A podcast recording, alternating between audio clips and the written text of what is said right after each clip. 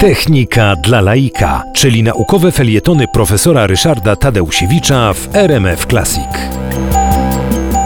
Wspominałem w wcześniejszych e, pogadankach o językach takich jak Fortran, Algol, Kobol.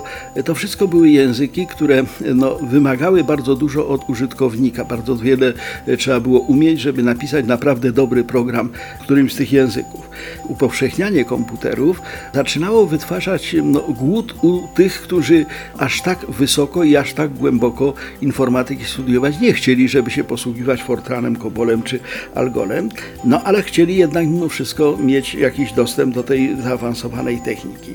I wobec tego dla ich potrzeb powstał język BASIC. BASIC, czyli taki język no, o bardzo podstawowym zakresie, o bardzo prostej strukturze e, i e, przeznaczony właśnie dla początkujących, dla osób, które są takimi, no, że tak powiem, stawiają pierwsze kroki w informatyce, ale mają dobre nastawienie. Ten język stworzyło dwóch specjalistów, John Kemeny i Thomas Kurz i znany jest moment, kiedy ten język został uruchomiony. Otóż warto wiedzieć, bo to nawet zabawne, że język BASIC, to znaczy translator tego języka, został uruchomiony o 4 rano 1 maja 1964 roku. On został uruchomiony, udostępniony na komputerze GE225. To był komputer General Electric duży. Początkowo BASIC właśnie był udostępniony dużych komputerach. Natomiast okazało się, że on się idealnie nadaje na mikrokomputery.